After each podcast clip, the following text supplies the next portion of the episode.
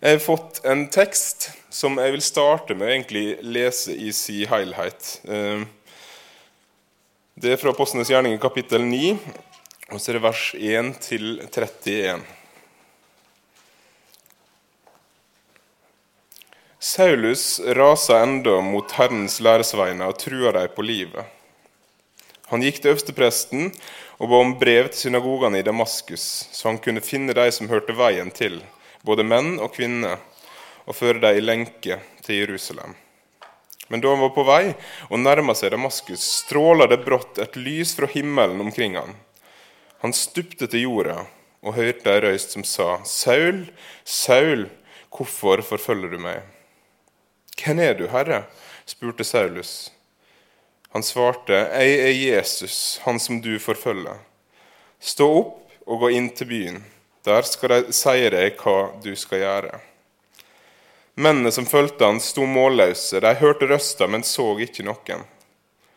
Saulus reiste seg opp, men da han åpna øynene, kunne han ikke se. Så tok de han i handa og ledde han inn til Damaskus. I tre dager satt han der uten å se noe, han verken åt eller drakk.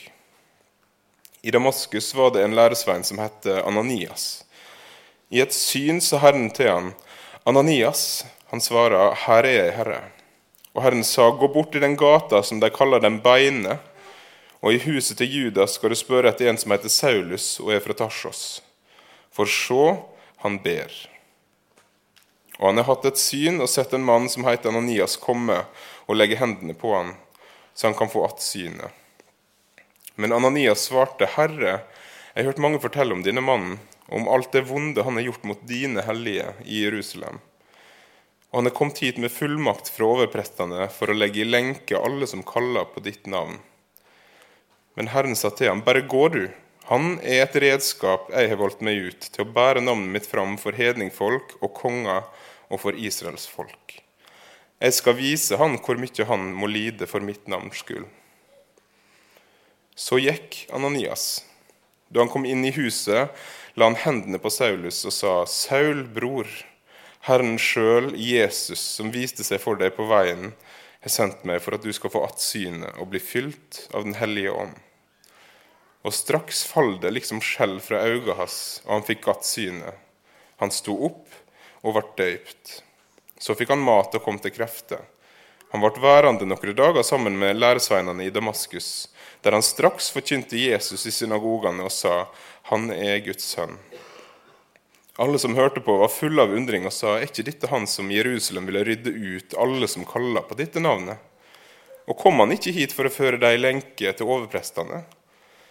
Men Saulus fikk mer og mer kraft, og jødene i Damaskus ble svar skyldige da han viste dem klart at Jesus er Messias.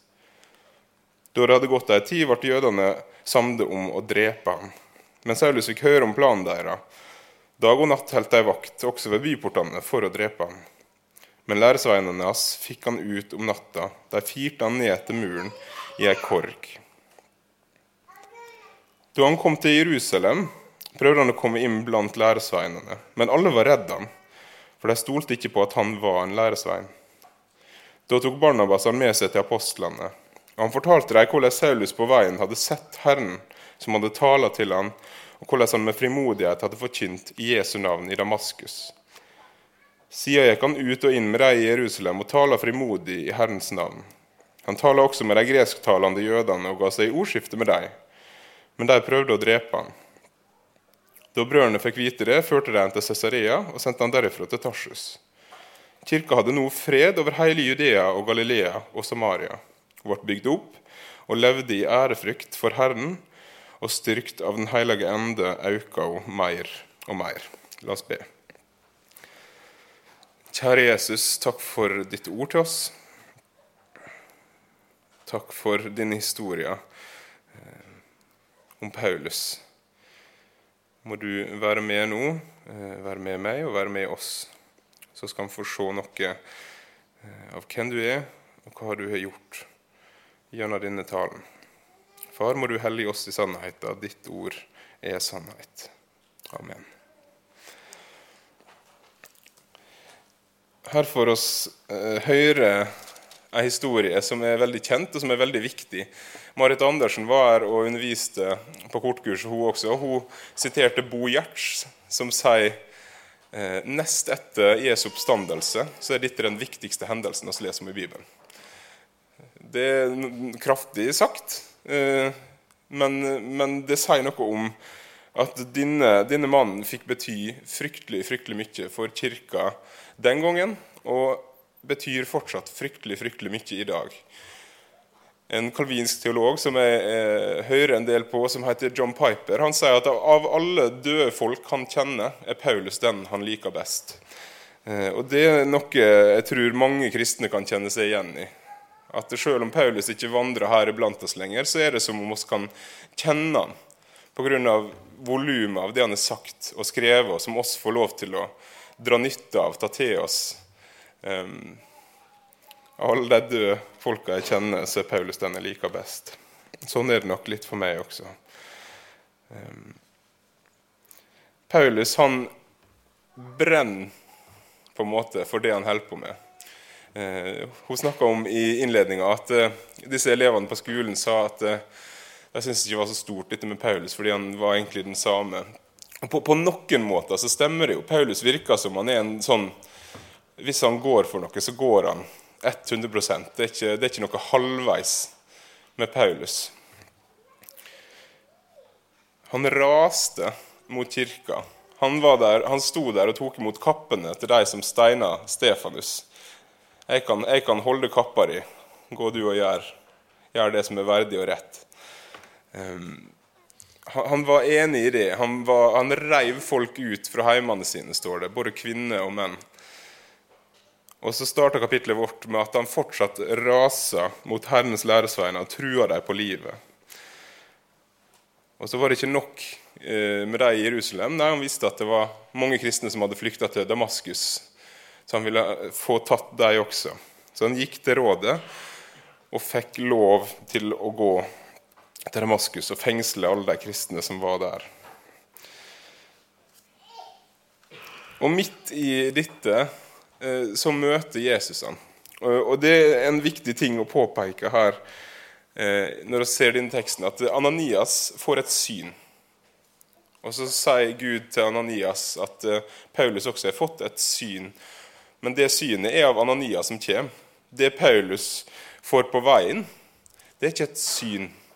Han får se Jesus sjøl. Det er ikke en drøm eller en visjon, men Jesus sjøl er der og møter Paulus på veien. Det understreker Paulus sjøl når vi kan lese i 1. Korinterbrev, kapittel 15, der Paulus skriver om oppstandelsen.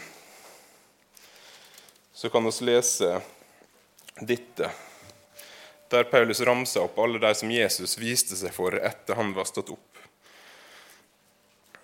Så viste han seg for mer enn 500 søsken på en gang. De fleste av dem lever ennå, men noen sovna inn. Siden viste han seg for Jakob, så for alle apostlene.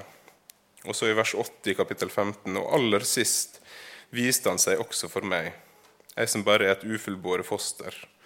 For jeg er den minste av apostlene, jeg er ikke verdig til å kalles apostel, for jeg har forfølgt Guds kirke. Det er altså Jesus sjøl som møter han i sin herlighet på veien. Eh, og han detter bakken, sånn som man ser de gjør gang etter gang i Bibelen når de møter Gud i hans herlighet. Han frykter. Han frykter for livet. Men Jesus er ikke ute etter å ta livet hans denne dagen, men han er ute etter å fortelle han at han må vende om. At det er meg du forfølger, og jeg er den ene sanne Gud. Men Paulus han var åndelig blind, og så blir han fysisk blind i tillegg. Nesten for å, som for å understreke det faktum. Og En kan jo forstå også hvorfor Ananias er så nølende. Det virka litt som at Paulus var en slags sånn derre kjendis blant de kristne. Det var ingen som ikke visste om hvem han her var. For det var få som var så ivrige Det var tross alt Paulus og ikke noen andre som gikk og sa til rådet at jeg vil gjerne stikke til Damaskus og få tatt de kristne som er der. Det var ikke rådet som kom til han, det var han som kom til rådet for å be om tillatelse. Så at Ananias nøler, er ikke så rart. Men Gud er veldig tydelig med han, at han skal gå.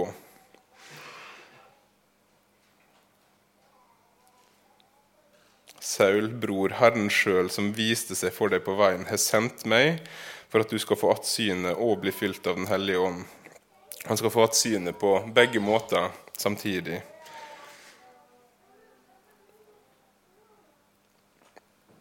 Og Paulus, som en gang var, som han sier sjøl, og kan lese de versene også i Filippebrevet kapittel 3.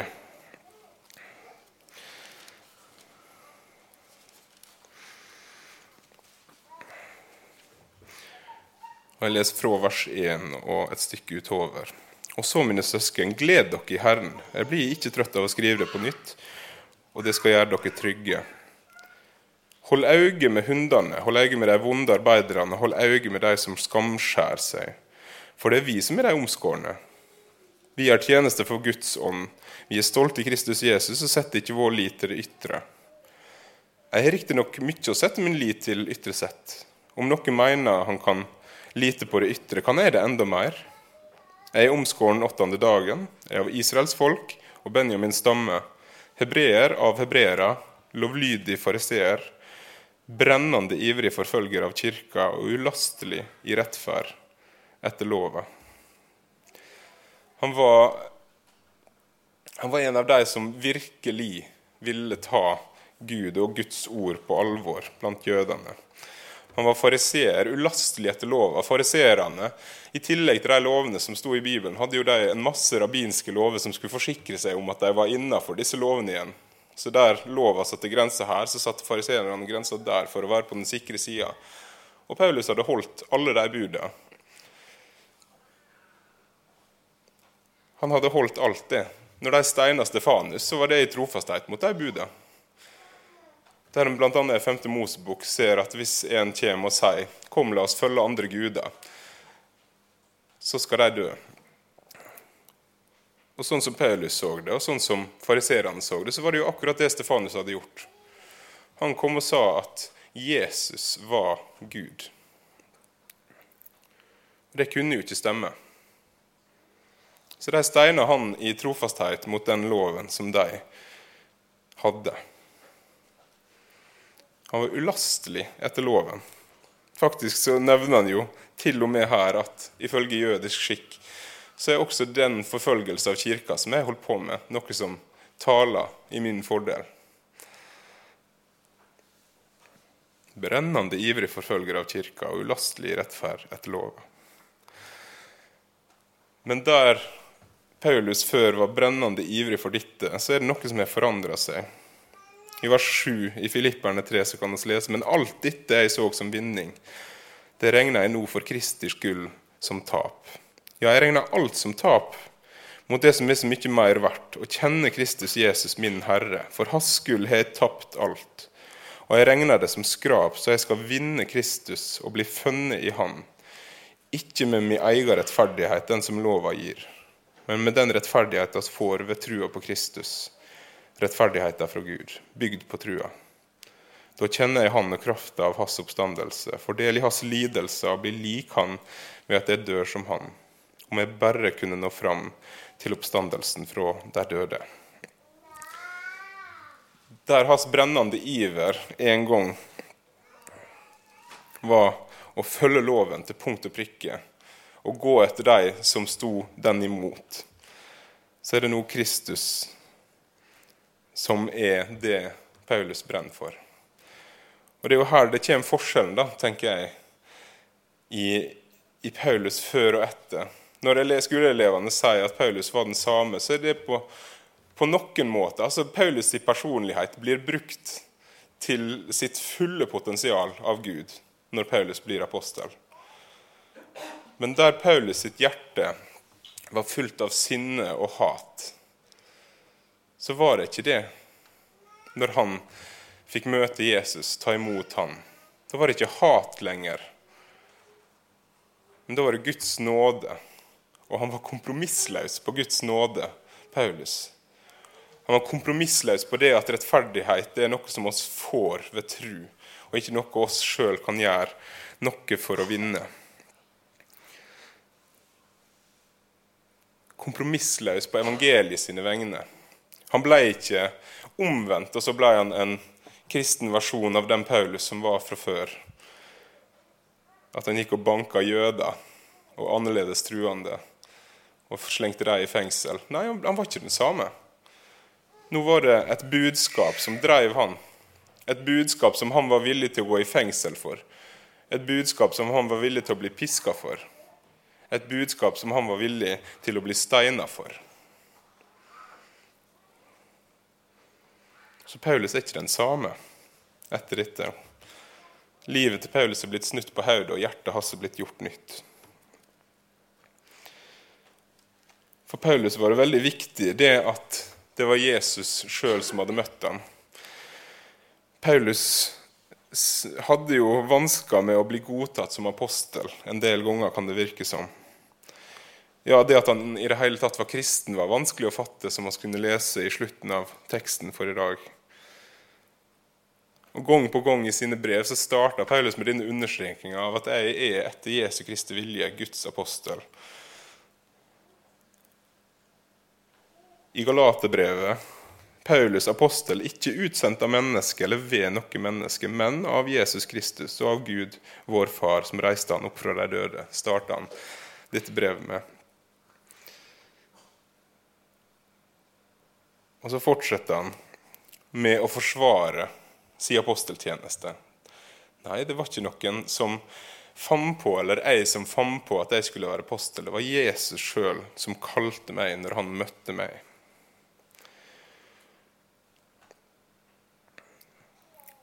Og han var altså så kompromissløs på evangeliet sine vegne at i Galaterbrevet så kan vi lese om hvordan han kjefta på Peter framfor alle.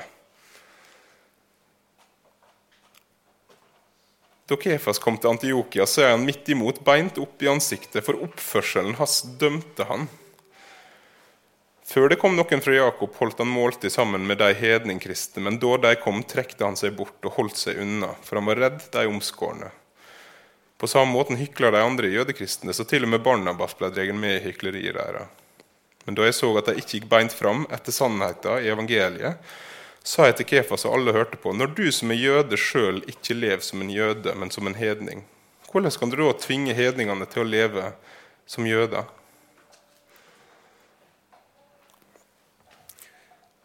En apostel irettesetter en apostel.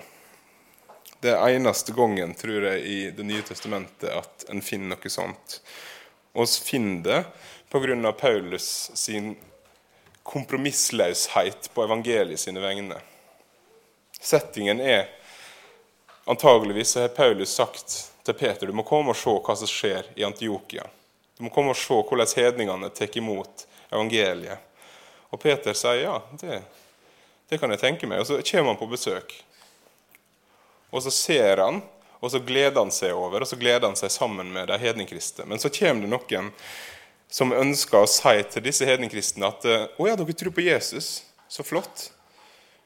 Dere må bare bli omskjært. Dere må bare bli jøder. Så er det nok. Og så blir Peter bekymra og redd, sånn at han slutter å ha måltidsfellesskap i lag med de hedningkristne. Går og et i lag med disse istedenfor. Og så sier Paulus til han at oppførselen din dømmer deg. Og Hvis en leser det i sammenheng med det Paulus skriver i Galaterbrevet 1, så sier han egentlig 'fordømme deg'. Altså, du lever nå på en måte som ikke er forenlig med det budskapet oss har fått. Dine gjerninger vitner ikke om friheten i Kristus. Så du må vende om, Peter. For du lever ikke i samsvar med evangeliet da jeg så at de ikke gikk beint fram etter sannheten i evangeliet, sa jeg til Kefas. Så Paulus han er blitt kompromissløs, like kompromissløs da han forfølgte kirka, men nå er det et budskap som han forsvarer med alt det han er, og alt det han har. Og det er budskapet om at Jesus er Guds sønn, og at rettferdighet kun finnes i trua på Han.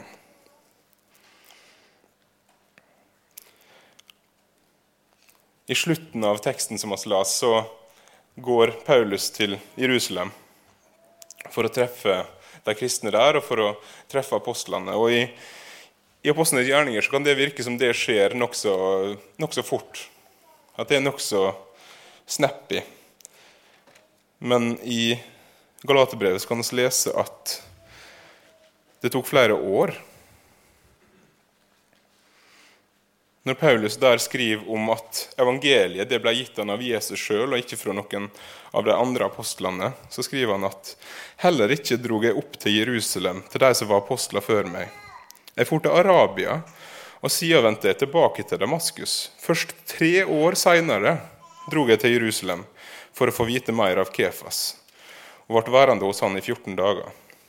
Noen andre av apostlene trefte jeg ikke utenom Jakob, Herrens bror.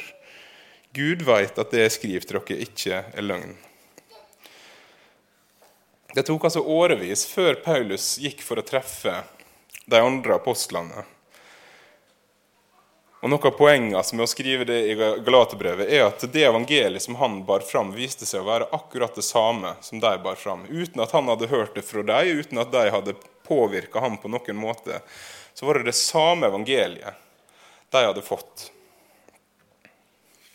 Det var Jesus sjøl som hadde åpenbart seg for han, akkurat som det var Jesus sjøl som hadde gitt dem det budskapet de skulle gå med.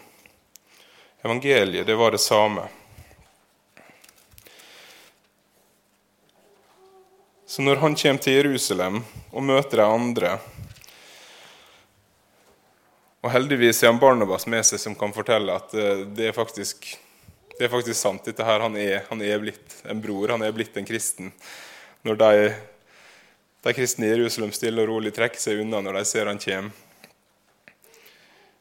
Når de får høre at det er det samme evangeliet, når de får høre at han forkynner akkurat det samme budskapet som de andre, så står det i Galaterbrevet om de som ikke kjente Forsamlingene i Judea, de som, ikke, de som er i Kristus, kjente ikke meg personlig. De hadde bare hørt at det ble sagt 'Han som før forfølgte oss, forkynner nå sjøl den trua han prøvde å utrydde'. Og de lover Gud på grunn av meg, sier Paulus. Skepsisen blir overvunnet. For han har ikke noe annet enn Kristus plutselig. Det er Kristus som er hans liv i liv og i død. For meg er livet Kristus og døden er vinning, sier han seinere.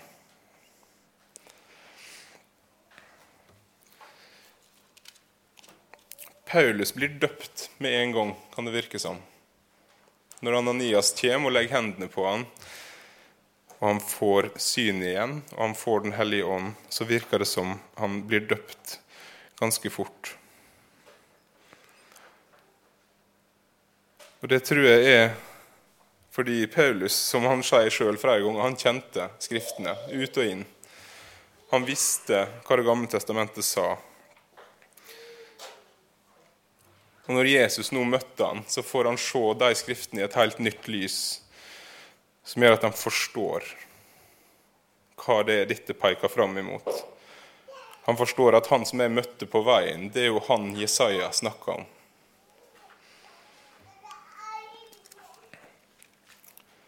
Han går altså fra å være en forfølger til å miste synet, til å få Den hellige ånd og bli døpt, og til å forkynne evangeliet i synagogene i løpet av ei uke, virker det som.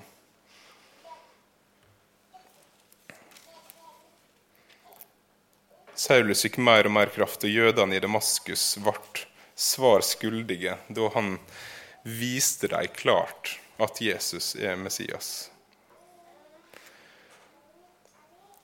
Paulus han var rett mann på rett tid i kirkas historie.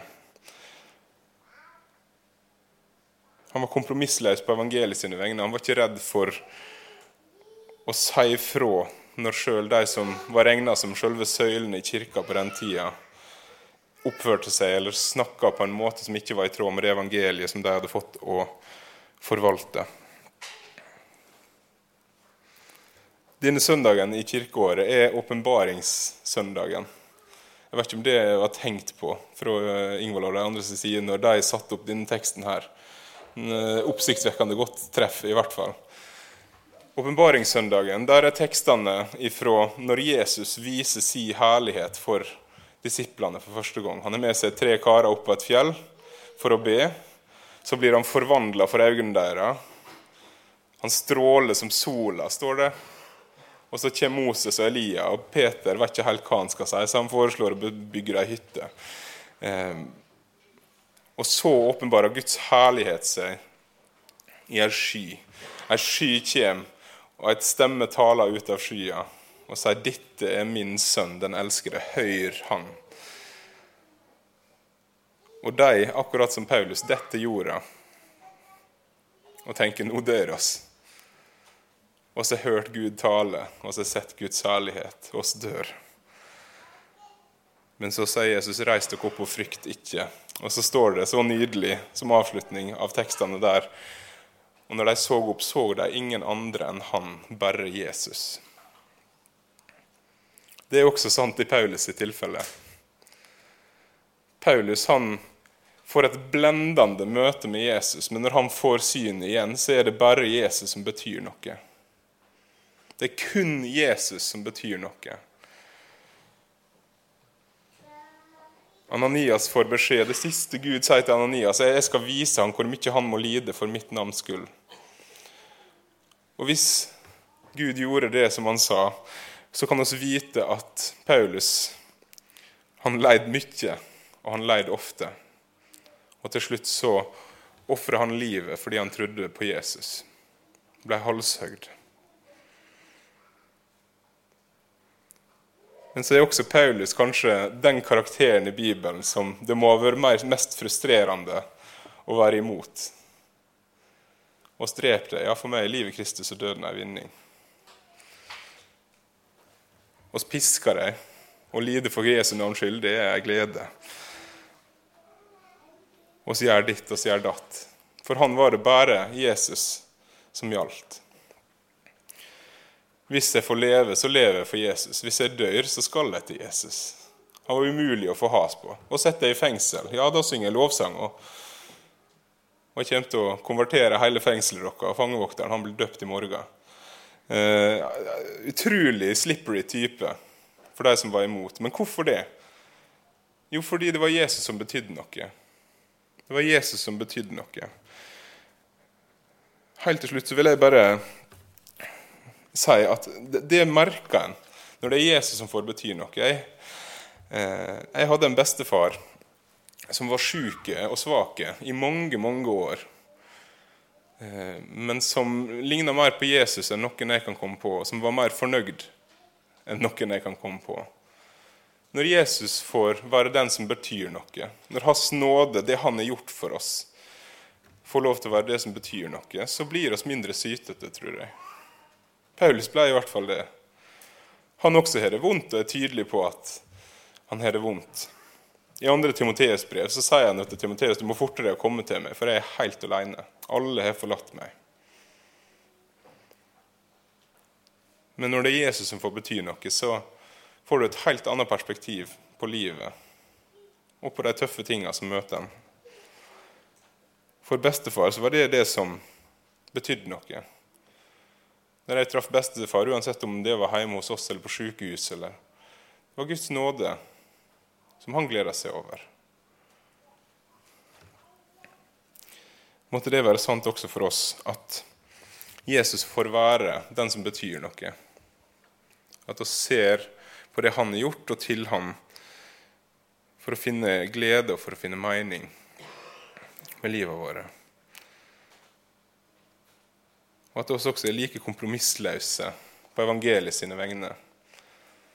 Når det kommer noen til Fjellheim misjonsforsamling for eksempel, som ikke ser helt sånn ut som, som oss som er her fra før, som ikke oppfører seg som om de har vært kristne i årevis, fordi de har jo ikke det.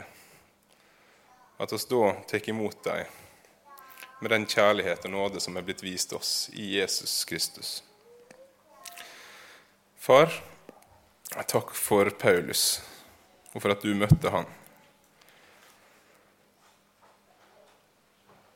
Takk for alt det han fikk gjøre og være for kirka da og for oss i dag. Takk for alle de ord som du la ham på hjertet, så oss kan bli oppbygd og utfordra og satt fri. Ifra oss sjøl, ifra våre lyster, ifra våre bekymringer. At vi får lov til å se på deg, på det du har gjort, på evangeliet om deg, og settes fri. ber også om at Paulus sin forkynnelse, sitt liv, sin historie må få lov til å utfordre oss til å leve et liv tett på deg. Må oss også få lov til å se, i hvert fall av og til, at å leve det er deg, og å dø det er vinning. Takk for din kjærlighet og nåde som du viste til Paulus, og som du også viser til oss. Må oss få leve i den. Må oss få se på deg. I ditt navn. Amen.